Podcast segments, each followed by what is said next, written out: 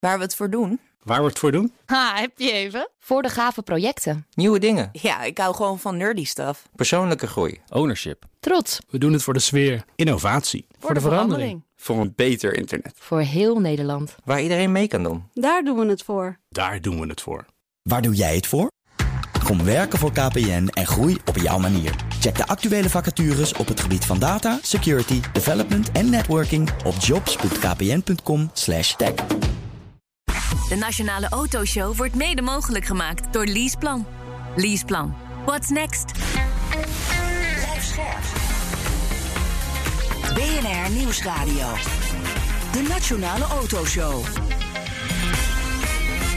Meindert Schut en Wouter Carson. Het gebruik van laadpalen schiet door het dak. Of ze ook worden gebruikt om te laden, dat hoor je zo meteen. Want wij hebben exclusieve cijfers, Wouter. Jee. Wow. En verder in onze show Ja, er staat zo, zoiets als oldtimerschaamte. heb ik geen last van. Of hoe, eh, hoe werkt het dan? Nee, eh, klassieke auto's zitten in het Wouter. verdomhoekje. hè? Komen ze daar nog uit? Ja, dat is de grote vraag natuurlijk. En eh, Wouter die voelt de Alpina B8 Grand Coupé aan de tand. Nee, het publiek. ja, er wordt applaus eh, gegeven. We zenden vandaag uit vanaf eh, Museum Het Kromhout in Amsterdam. Vattenval opent hier de deuren van het Museum of Fossil Fuels. Naar verluidt het eerste fossiele brandstoffenmuseum ter wereld. Vanaf zaterdag tot en met woensdag te bezoeken. Dus als je een leuk uitje wil, Ja, maar naar Amsterdam komen. Ja. Kromhout. Vlakbij Artis is dat.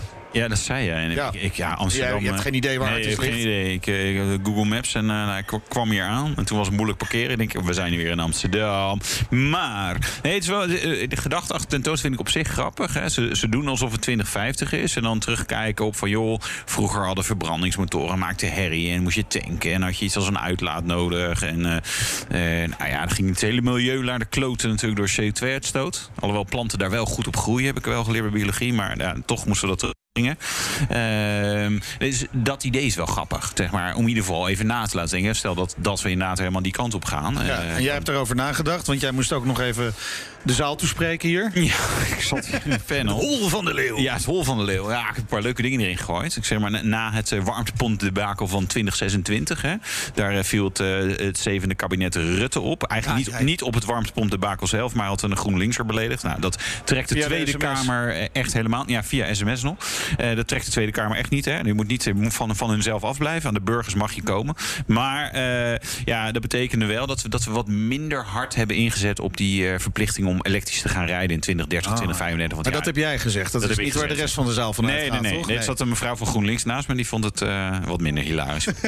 Ja, maar leuk uitje dus, in ieder geval, Ja. hè, om je te verbazen over hoe de toekomst eruit zal zien. Ja. Ik denk echt dat het leuk is voor Bas en Carlo om daar eens even langs te gaan. Eh, van Petrohead. Kunnen ze hier mooi de podcast opnemen? Ja, hier- Woensdag, laatste dag, heren. ja je hebt, nou, dan- volgens mij nemen ze dan altijd een podcast Daarom, dan dat bedoel ik. Dus maar goed. Dat bedoel ik. Hey, maar heb jij het idee dat we inderdaad 2050... dat dat wat je hier in het museum ziet, dat dat heel dichtbij komt? Bij wat we dan... Want het is natuurlijk altijd zo dat als we films over de toekomst maken... dat blijkt dan veel later pas Ja. misschien echt werkelijkheid te worden. Soms wel Ja. veel eerder. Ja, ja, ja. Eh, nou ja, kijk, vliegende auto's hè, zouden we nu al eh, moeten hebben. En, en, en zelfrijdend en zelfvliegend en kunnen teleporteren. Nee, ik denk dat 2050 is, is toch echt te vroeg die, om... Die smartphone zoals we die nu gebruiken... die kwam ook wel in die films van Star Trek en zo voor. Dat soort dingen. Ja, dat klopt wel. Die ja. hebben we. Die, die hebben we wel. Ja, nee, klopt. Nee, in die zin, je, je, kan je, hm, je kan nooit helemaal de toekomst voorspellen. Maar wij wel, want wij zijn heel slim. Nee, ik, kijk, ik denk dat het lastig wordt om in 2050 helemaal eh fossielvrij te gaan. Want zeeschepen hebben we nog helemaal niks voor. Vliegtuigen hebben we nog helemaal niks voor. Vrachtwagens hebben we nog helemaal niks voor. Mensen met een caravan kunnen er nog niks. Nou ja, en zo zijn er wel voorbeelden. Plus EV's zijn gewoon nog best wel duur. En we kunnen ze niet opladen. En we kunnen niet genoeg stroom opwekken. Dus ja, en we hebben op zich In nog 2050, 28 hè? jaar. Ja, precies, dat bedoel ik. Maar zat. ehm, er, moeten, er zijn wel hoeveel? 8 miljoen auto's in eh, Nederland. Waar, eh, dus het merendeel is nog elektrisch. Ja, diesel, ja, maar al die auto's die nu eh, rondrijden op fossiele brandstoffen... die zijn straks allemaal klassiekers. Nou, heel veel wel. dat is 28 jaar. Dus dan heb je het over auto's die dan nu uit 1994 zouden komen. Ja, Die, die, zijn wel, die zijn wel een beetje klaar mee. Maar auto's uit 2004, het bouwjaar van mijn, eh, een van mijn auto's. eh, ja, dit, dat rijdt gewoon nog rond. En veel mensen hebben gewoon... Een gemiddelde auto is gewoon 10 jaar oud. Dus ja. Ik begin erover, over klassiekers. Want onze Klassiekers. gast deed eerder vandaag eh, mee aan diezelfde paneldiscussie waar jij ook bij zat. Peter Staal, directeur van de KNAK, de Koninklijke Nederlandse Automobielclub. Leuk dat je erbij bent. Mooi om hier te zijn. In onze Kuip. We zitten in de, in de oude Kuip van...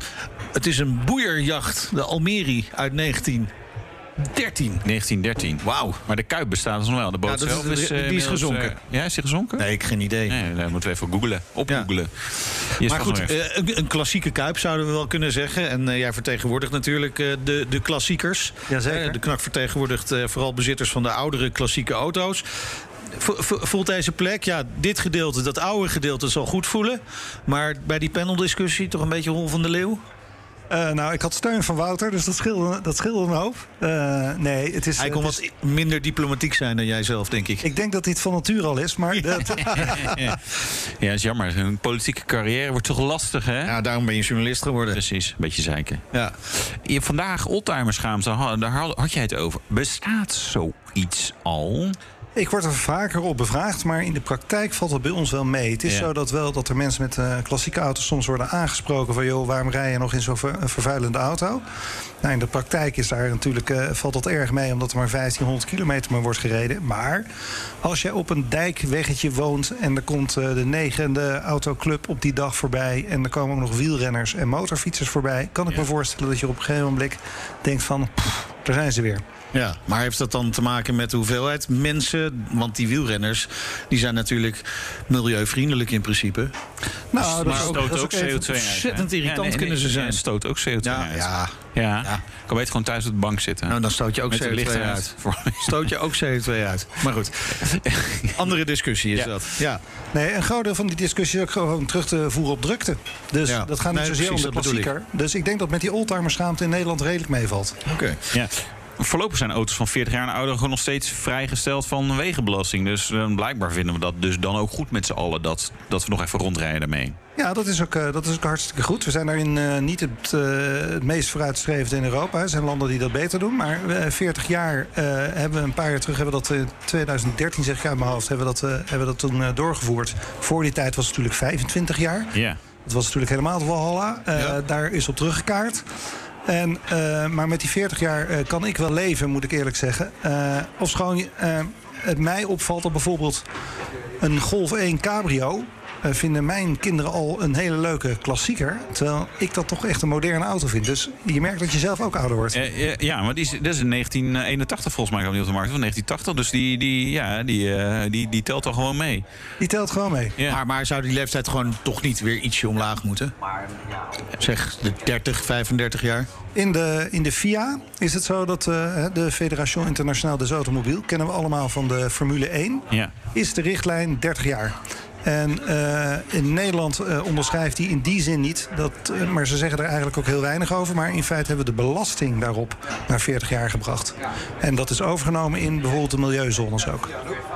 Ja, oké, want dat is natuurlijk wel belangrijk. Hè? Dat je, eh, dus eh, vreemd genoeg mag je zeg maar met een soort tussencategorie mag je niet eh, sommige steden straks misschien in. Maar als het weer ouder wordt dan een oldtimer is, dan mag het wel. Klopt. Raar? Of valt het mee? Nou, we willen natuurlijk dat, dat erfgoed een beetje beschermen. En, Ja. en daar, daar komt dit vandaan.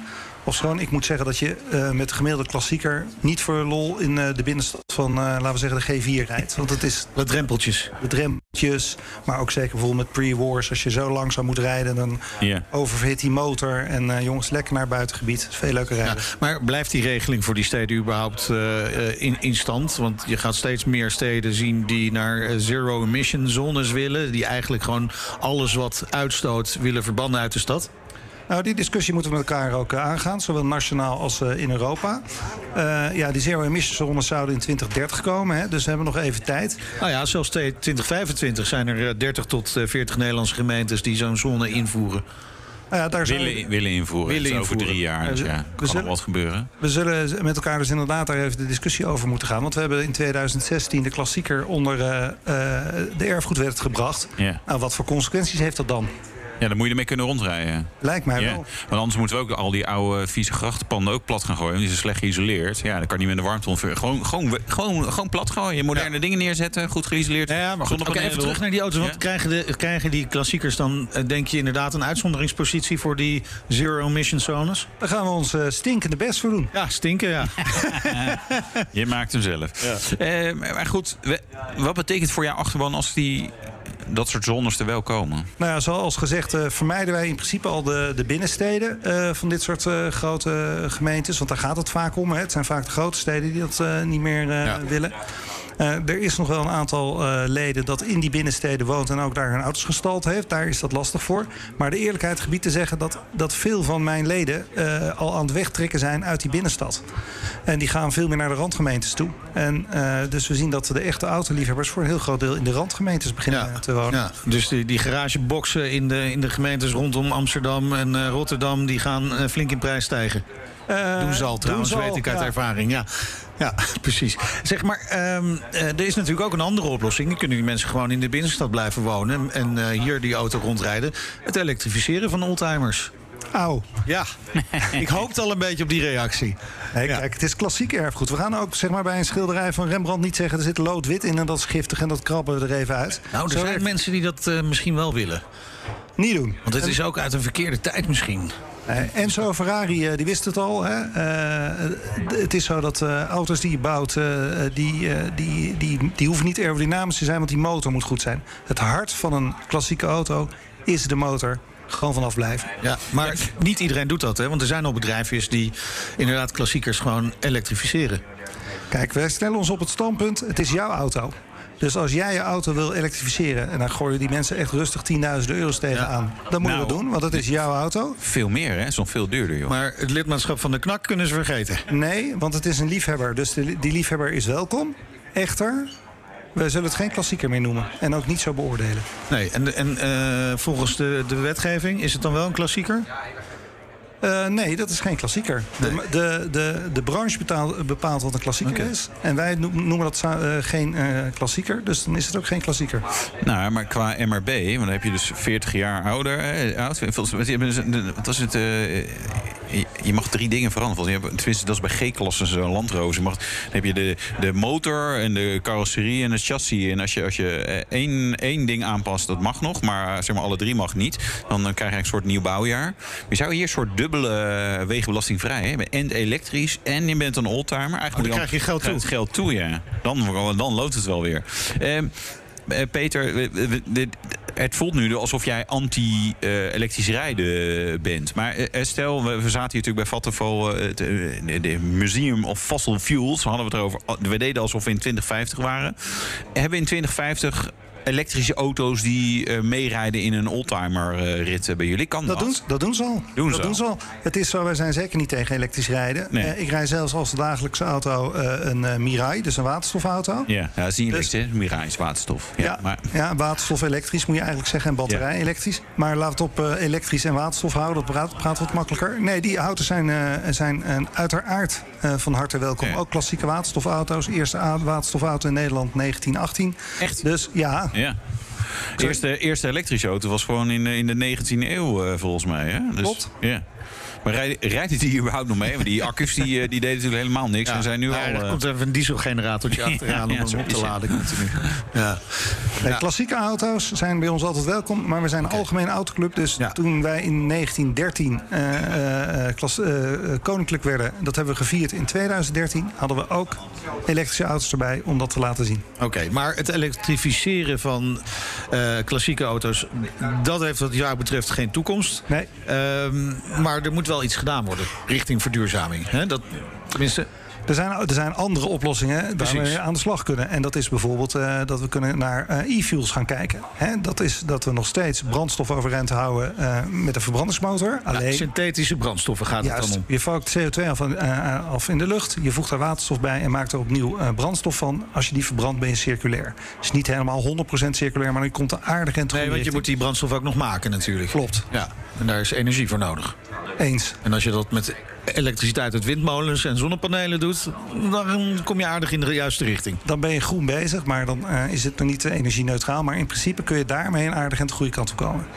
Is, is, is dat dan de oplossing?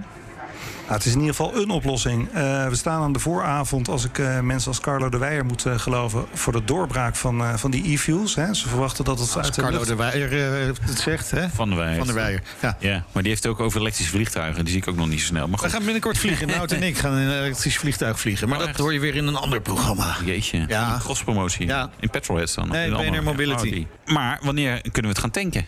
E-fuels. Dat gaat nog even duren. Nee, dat, is, dat, is, nog vrij schaars op Ja, is dat zo? Want we weten allemaal dat, dat Porsche die is ermee bezig. En de Formule 1 wil ook richting die kant op. Klopt. Eigenlijk duurt dat ook niet zo heel erg lang meer voordat Formule 1 die kant op wil. Dan moet het betekenen dat we echt ontzettend ver zijn. Met de ontwikkeling ervan. Maar het, het vervelende Als is. de Weijer het zegt. Het vervelende is dus op het moment dat wij uh, dat, dat dit soort dingen kunnen, wil dat zeggen dat de time to market, uh, dat valt nog best wel tegen. Dus dat, dat er dingen technisch kunnen is één. Dat ze het in de Formule 1 kunnen is twee. Maar voordat wij het als consument massaal kunnen kopen, dan zijn we toch wel echt een paar jaar verder. Maar waar, waar is, wat is daarvoor nodig? Heb je daar een beetje kijk op? Want uiteindelijk kun je gewoon de infrastructuur gebruiken die er al is. Veel makkelijker dan die laadpalen. Uh, ja, maar het maken van deze dingen moet je ook weer massaal waterstof hebben bijvoorbeeld. Ah, ja. En je moet CO2 af gaan vangen uit de lucht. Dat is ook nog niet zo heel makkelijk. Dat doen we ook nog niet uh, heel, heel eenvoudig. Nee, dus het klinkt goed, maar we zijn nog uh, flinke stappen verwijderd. Ja, maar er is, er is wel een toekomst, laten we het zo zeggen. Nou viel het mij op, is, is dat je ook nog wel eens een, een lans breekt uh, namens de knak voor waterstof. Dan denk je, maar wat hebben, wat hebben die oldtimer mannen nou weer met waterstof? hij heeft zelf een waterstof. Zelf, ze preek voor eigen parochie. 0% bijtelling graag voor, want ik heb een Mirai. ja, nou ja, als je moest de kost geven. Nee, maar waarom? Waar, ja, ja, nu 12. Ja. Wel over het hele bedrag, hè, waterstofauto's. Zeker. Ja, ja, ja. ja. Dus, daarom heb je hem. Nee, maar waarom waterstof? Dat is natuurlijk wel uh, ingewikkeld. De keuze uit auto's is wel beperkt. Misschien was dat een reden. Denk je, ja, keuzestress, te veel EV's, ik weet het allemaal niet. Maar uh, waar, eigenlijk, waarom waterstof? In principe is het zo dat bij de knak, daar kijkt iedereen voor klassieke auto's naartoe, maar die mensen vinden het ontzettend, die houden van auto's. Ja. Dus ook moderne auto's zijn bij ons uh, uh, van harte welkom. Met sommige, op sommige ritten rijden ook best wel veel moderne auto's mee. Hartstikke leuk. Uh, en ze zijn geïnteresseerd in techniek. En we een paar jaar terug zagen dat er massaal elektrische auto's werden gekocht. We waren, hadden echt de pioniers van de elektrische auto's bij de doorbraak van de elektrische auto. En nu zie je dat die mensen zich weer oriënteren op waterstof. We vinden het gewoon leuk om vooraan in de ontwikkeling te staan. Yeah. En zo'n waterstof is natuurlijk hartstikke leuk om te van wat zijn, nou de, wat zijn nou de drempels? Waar loop je nou tegenaan? Je kunt erover lezen, maar als je er zelf mee rijdt, ja, ja, dan ervaar je Zelf, maar zelfkastijding. Die, die drempel is toch eigenlijk hetzelfde als die uh, geldt voor uh, e-fuels. Het is de infrastructuur. Het is uh, de infrastructuur. We hebben ook uh, uh, in de Tweede Kamer een rapport aangeboden om te zeggen: jongens, werk aan die infrastructuur. Er zijn nu 12 waterstoftankstations. Dus dat is gewoon te weinig. En dat, moet, dat moet echt een landelijk dekkend net worden. Ja. Hoeveel, hoeveel, je hebt een Mirai, dus hoe, hoeveel rij jij ermee jaarbasis? Nou, ik heb hem nog geen jaar, maar ik schat in dat ik uiteindelijk uh, tussen de 15.000 en 20.000 kilometer per jaar ga, mee ga rijden. Dus dat valt nog wel mee. Maar kom je een beetje uit met tanken en zo? Hoe gaat dat? Uh, bij mij, ik, uh, ik kan dicht bij huis, dat is Nieuwegein, kan ik tanken. En ik werk in Den Haag en daar zit ook een waterstoftankstation. Ja. Dus ik, voor mij is het een fantastische oplossing. En hij rijdt geweldig. Ja. Ja, dat, dat is natuurlijk zo. En wat, en wat doe je met de andere ritjes? Pak je gewoon een van de andere auto's? Nou, uh, als ik bijvoorbeeld uh, op vakantie wil naar Italië, dan pak ik een auto met een verbrandingsmotor. Ja.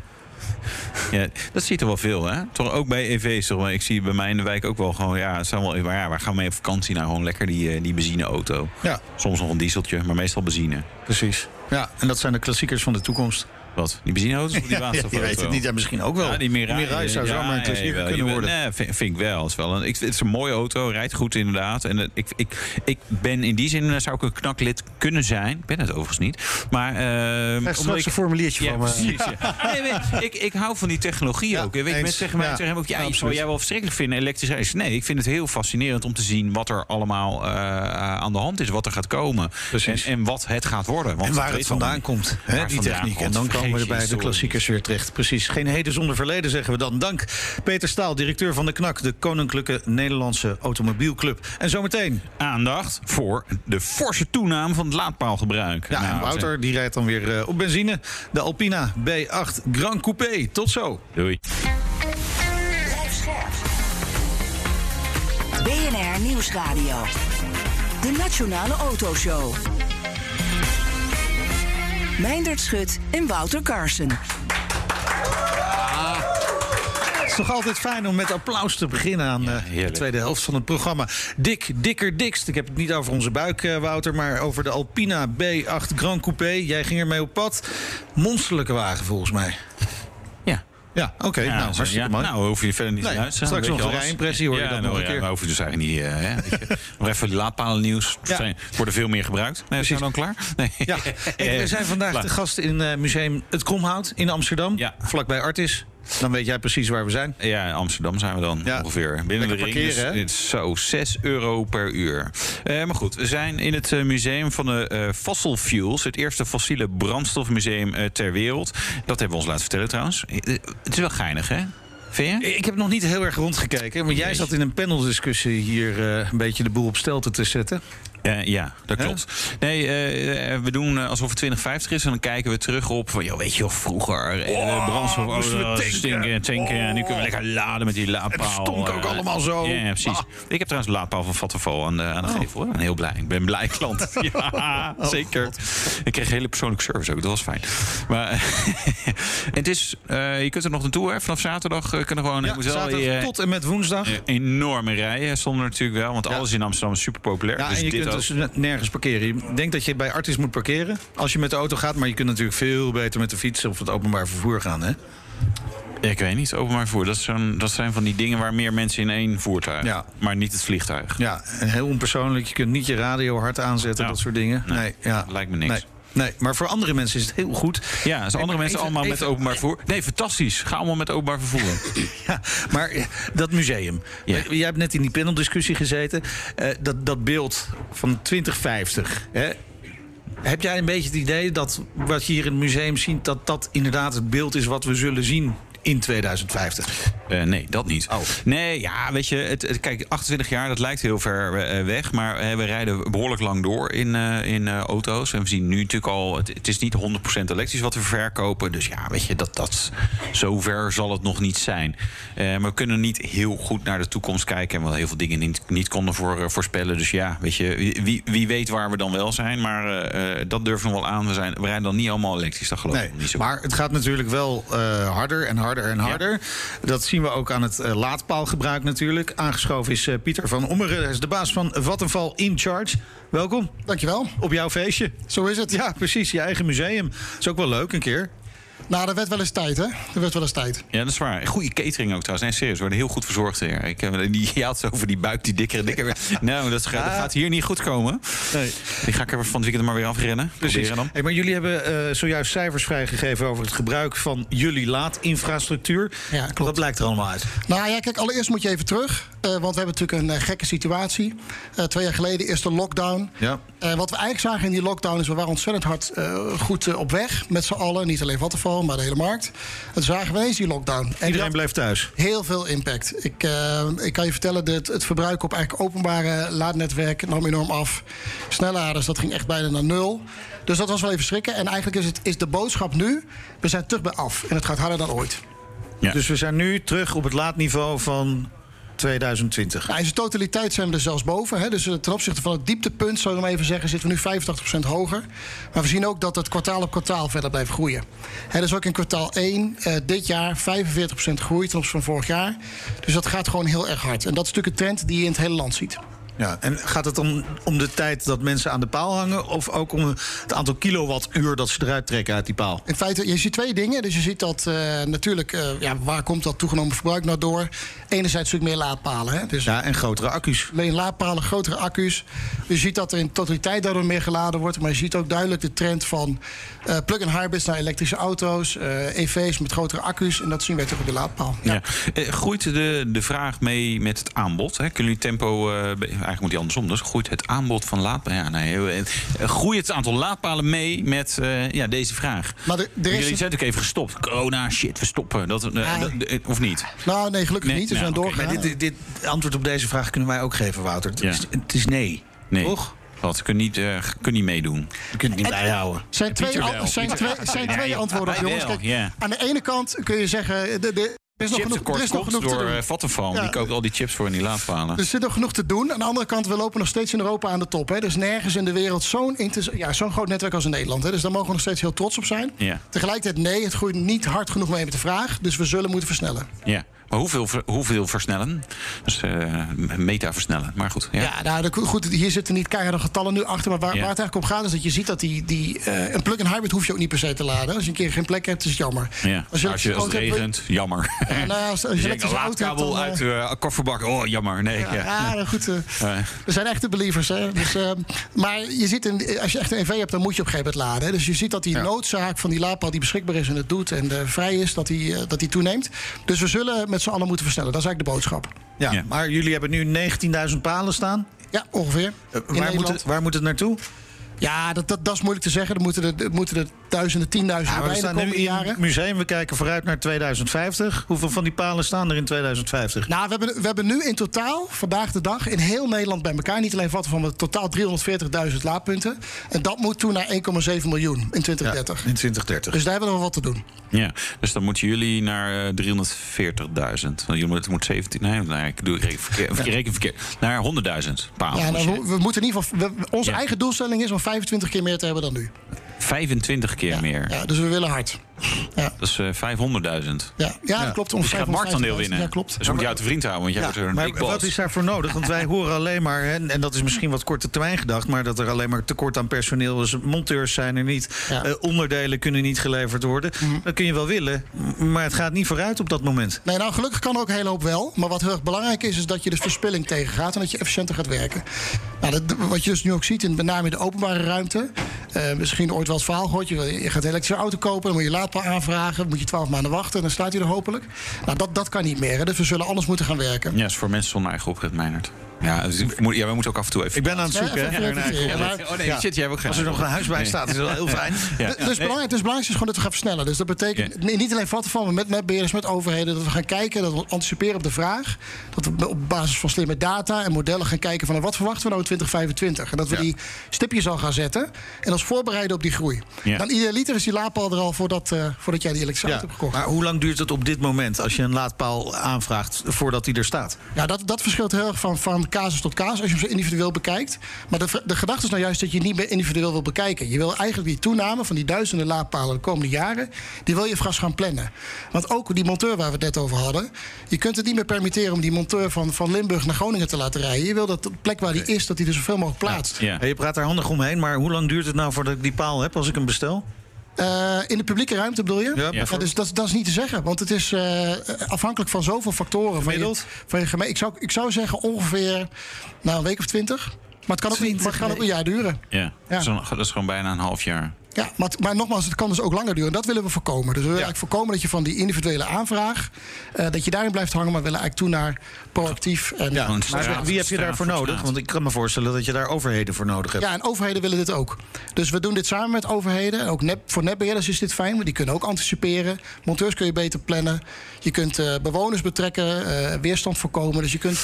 Nou, ja, nee, maar daar zal ik even over naar weerstand komen. Dank voor de, de, de voorzet. Nee, maar dat, nee, dan heb je de straat. Dan zeggen, nou ja, hier, hier, we doen niet één laadpaal voor die ene buurman eh, die, die een leaseauto heeft.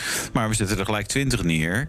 En die, en die parkeerplekken zijn dan vaak ook, ja, je mag je dan alleen met je EV of je plug-in eh, staan. En eigenlijk ook alleen maar als hij aan het laden is, want we hebben, we hebben hekel aan laadpaalklevers. Nee, dat, dat, dat is natuurlijk best een, een spanningsveld. Je zegt van ja, als ik, als ik er heel veel tegelijk wil neerzetten, dan zijn ze ook een tijdje ongebruikt. Ja, maar, maar dat wil niemand. Nee. Want wat je ziet is dat de markt voor investeert. Ja. En niemand heeft dus baat bij een ongebruikte laadpaal. Wij, wij als Vattenfall niet, de gemeente niet, de, de buurt niet. Dus die datamodellen zijn er juist op gericht dat je het op het juiste moment doet. Dus je gaat er niet 20 op een rij zetten. Maar je gaat wel gelijk kijken naar die hele wijk. Van als we er nu hier één neerzetten, wat is dan de beste plek om neer te zetten? In plaats Ja. van dat we kijken naar die Ja, die individuele beste plek is aanvraag. bij mij net voor de deur als die elektrisch gaat Zeker. rijden. Ja, Ja. maar hij kan ook bij jou laden, Wouter. ja, dat is waar. Weet je hoe ja. ver dat rijden is? Dan is de accu alweer leeg. Ja, Als ik ja, daar ik kan wel op de oprit staan. Ja, nou, dat is wel... Met drie auto's tegelijk. te gaan. Goede koffie ook bij Wouter Ja, trouwens. ja, kan iedereen aanraden om daar eens langs te gaan. En te laden. Ja. Eh, dit, dit geldt natuurlijk eh, met name voor, voor de Randstad, neem ik aan. Want hier rijden de meeste elektrische auto's in de Randstad. Nou, dit proces eigenlijk juist niet, zou ik willen zeggen. Want Nee? in de Randstad is het eigenlijk al behoorlijk goed geregeld. Er zit een heel dicht netwerk. Dus ja, het is ook een beetje begonnen natuurlijk in de grote steden. Maar we zien juist dat die vorm van productieve plaatsing... Ja, die gebeurt uiteindelijk overal straks. Hè, maar we zien juist dat de grote provincies... Brabant, Limburg, Grand Overijssel... die zijn daar nu heel druk mee bezig. Ja. Even een andere vraag. Ik heb een laadpaal van jullie toevallig aan de, aan, aan de gevel. Maar we een goede keus. Ja, goede ja. ja zo'n goede keus. Krijg je bonuspunten als je laat? Of ja, ik weet niet. Ik denk, volgens mij krijg je gewoon geld, geld voor iedere kilowattuur die ik laat. Net zoals mensen nee, zonnepanelen opwekken. Nee, um, welk percentage van wat jullie hebben is, is zeg maar laadpalen zeg maar privé, uh, weet je dat? En versus publiek? Iets meer, ja, het is ongeveer 50-50 op 20.000 zou je kunnen zeggen ongeveer de helft privé. Ja. En, en, wat is de meest interessante handel? Ja, wij willen even de business case allemaal een beetje weten. Wat, wat, is, is het interessanter om die privé laadpalen te doen voor jullie? Of zeggen, nou, publieke laadpalen is eigenlijk ook wel geinig? Het, nee, het zijn allebei interessant. Waar het eigenlijk om gaat, is dat we zijn nu natuurlijk laadpalen aan het plaatsen. We willen dat iemand kan laden. Maar waar het naartoe gaat, is dat je een energiesysteem van de toekomst ontwikkelt. Ja. En uh, we gaan naar steeds meer windparken toe. Dat zal jullie niet verbazen.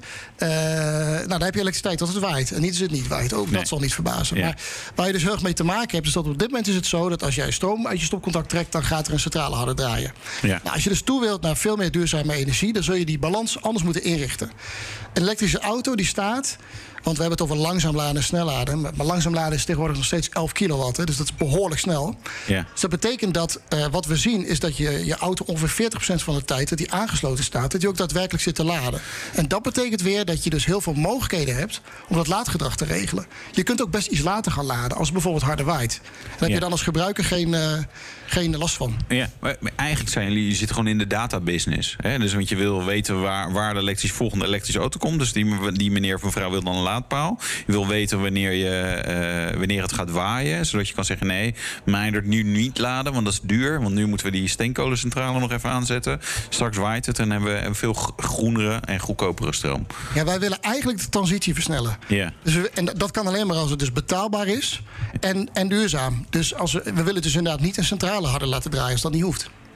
Ja, en nou is het ook over compleet energiesysteem. We hadden het, het- de kabels, ook nog wel een issue, toch? Dat, dat, het net. Het net, ja. Net, ja. Het net. Ja, nou, Jullie- dat, en dat is eigenlijk wel een mooi bruggetje in wat we net bespraken. Want dat slim laden, dat kun je dus doen naar slim laden, containerbegrip. Maar eigenlijk zou je kunnen zeggen, laden op een optimaal moment. En niet als je hem allemaal tegelijk om zes uur s'avonds in, eh inplugt. Nee.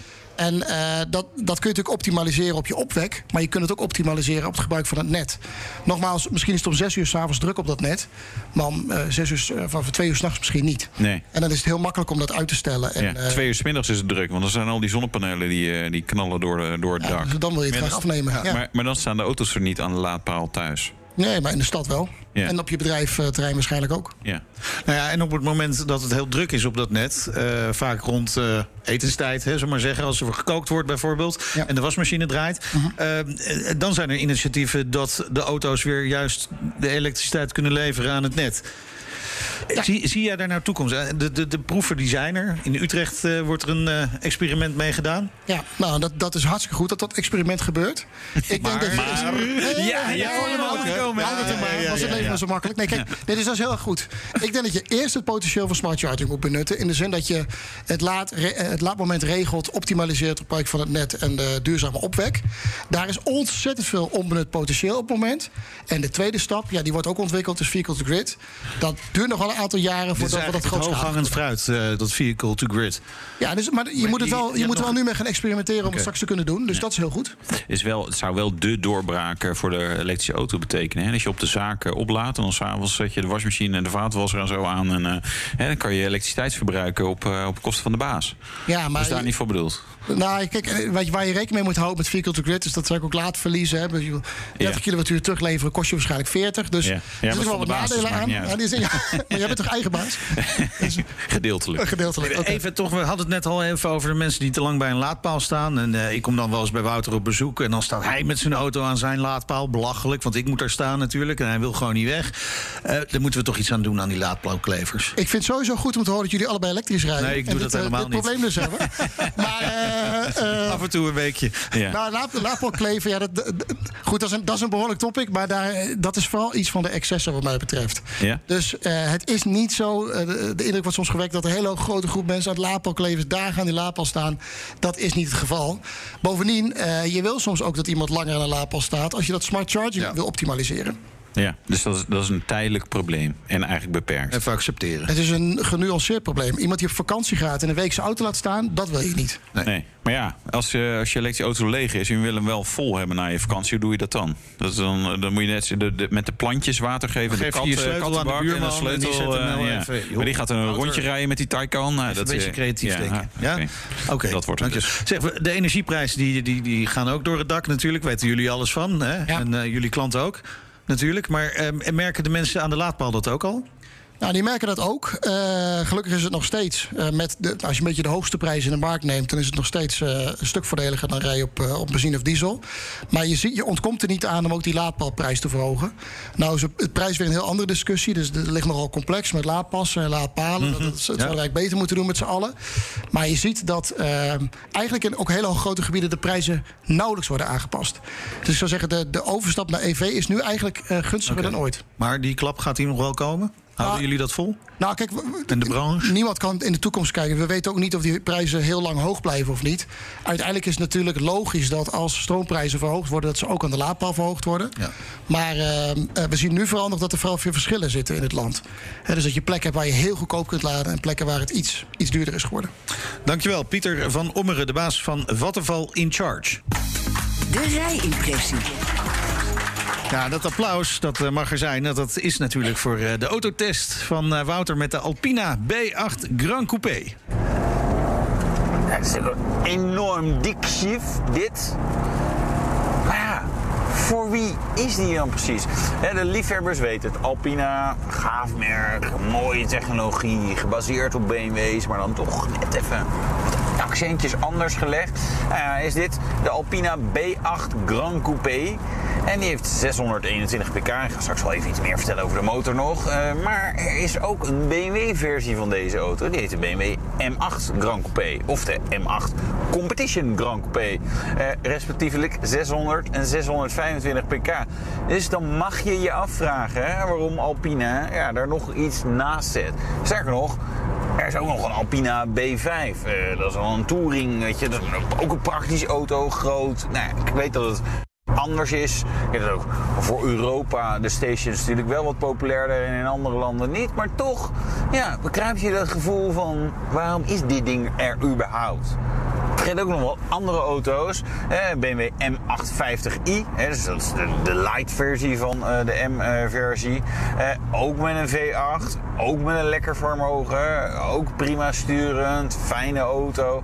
Eh, dus er is nogal wat te kiezen, zullen we maar zeggen. eh, met dit soort auto's. Nou ja, waarom dan toch de Alpina? Ik heb geen idee. ja, bedankt voor het kijken. Nee, er zijn natuurlijk wel redenen. Nee, eh, Even zonder dolle. Is natuurlijk wel een auto die dan de connoisseur aanspreekt. En die ook wat anders zoekt. BMW M-modellen zijn steeds meer hardcore geworden. Echt stug onderstel, ruig uiterlijk. Allemaal wat, wat nou ja, heftiger allemaal. Eh, Alpina probeert auto's te bouwen. En dat lukt ze ook vrij aardig, moet ik zeggen. Waarmee je op de openbare weg in de dagelijkse praktijk gewoon lekker tempo kan maken. En dat je dat ook comfortabel kan doen. En ja, hier wordt het verhaal misschien ook wel weer een beetje saai. Maar het comfort is gewoon erg goed. En vooral het onderstel. Ja, het zijn eigenlijk meer dingen. Maar het onderstel is misschien wat dat betreft wel redelijk onderscheidend. Alpina besteedt daar gewoon meer geld, meer aandacht en meer tijd aan. Omdat, ja, gewoon lekker ja, zacht. Hier, drempel, merk je niks van. Nee, om, om daar echt het comfort op een hoger niveau eh, te brengen. Ja, en daar zitten wel de accentverschillen met de BMW M8 versies die BMW dan zelf levert. Nou er zijn wel verschillende BMW V8 motoren natuurlijk. De, hè, degene uit de M8 en de M5, die zijn ja, nog sportiever, nog ruiger. En dan heb je de normale 50i eh, motor. Daarop is eh, het Alpina blok gebaseerd. Nou, zijn ze allemaal wel een beetje familie van elkaar als je goed gaat kijken. Maar eh 4,4 liter groot. eh, specifieke software voor Alpina, maar ook specifieke hardware. eh, andere charge coolers, andere turbo's. Dus een ander vermogen. 621 pk totaal, 800 Nm aan koppel. Ja, en wanneer wil je dat koppel hebben? Als je er op de openbare weg dagelijks in wil rijden. Nou, altijd. En, wanneer levert de Alpina B8 Grand Coupé dat koppel? Nou ja, altijd dus. Vanaf 2000 toeren tot 5000 toeren is dat koppel er. Nou ja, de bak is een bekende eh achtertraps ZF automaat die we ook, ja, die kennen maar zo'n beetje alle auto's inmiddels. Ik weet niet welke auto's het niet gebruikt, maar alle merken en alle modellen. Ja, dat werkt natuurlijk gewoon een briljante combinatie. En wat lekker is, is dat er, ja, zit een soort, soort lagen in de acceleratie. Dus dat je er ergens gaat invoegen en denkt, oh, er komt iemand toch nog harder aan. Dan geef je gas bij en denk je, nee, hij moet toch nog iets harder. En dan kan dat ook. Eigenlijk altijd. Hè. Dus nu gewoon accelereren. Ik nou, leuk. Een beetje gas bij. Schakel ik nog terug. En dan nu echt vol gas. Ah, het stampt er echt mega vandoor. Het is gewoon echt een bloedsnelle auto met een mooie controle in het onderstel. Fijn. Weet je, als je maar gewoon tempo wil maken in normaal dagelijks verkeer, dan gaat dat heel erg lekker. Ehm, sprint naar de 100, 3,4 seconden. Ehm, topsnelheid, ja, Alpina doet mee, met de begrenzing. Dus eh, 324 km per uur. Is dan wel echt het verschil met de BMW's overigens. Maar ja, het is wel ietsje langzamer dan de M8 en de M8 Competition, die alleen net een toefje sneller zijn. Ja, de Alpina B8 Grand Coupé. Ik vond je nou niet dol enthousiast.